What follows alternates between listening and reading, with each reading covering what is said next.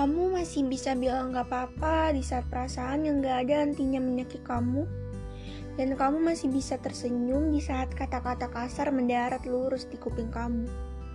Cek ke psikolog ih, kamu itu lagi sedang apa-apa, tapi masih bisa bilang gak apa-apa. Aneh. Jujur sama diri sendiri kalau kamu udah gak kuat. Jujur sama diri sendiri kalau kamu itu capek.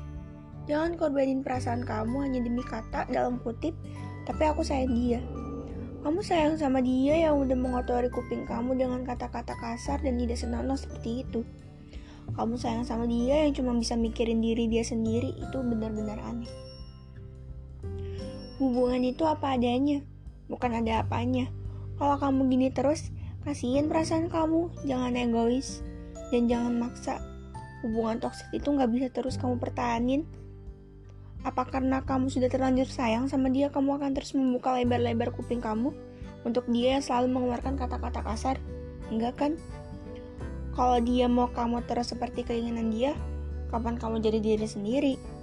Ngertiin perasaan kamu itu juga penting. Tuhan kasih manusia perasaan itu untuk dijaga, bukan untuk disakiti.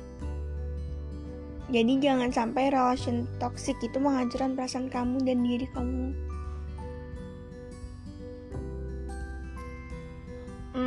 Aku sering banget dengar kata relation toxic dalam hubungan teman-teman aku.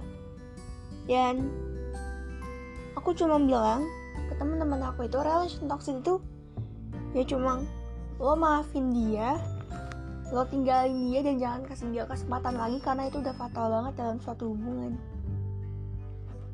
Jadi semangat, jangan pantang menyerah cuma gara-gara relation toxic. Bye bye.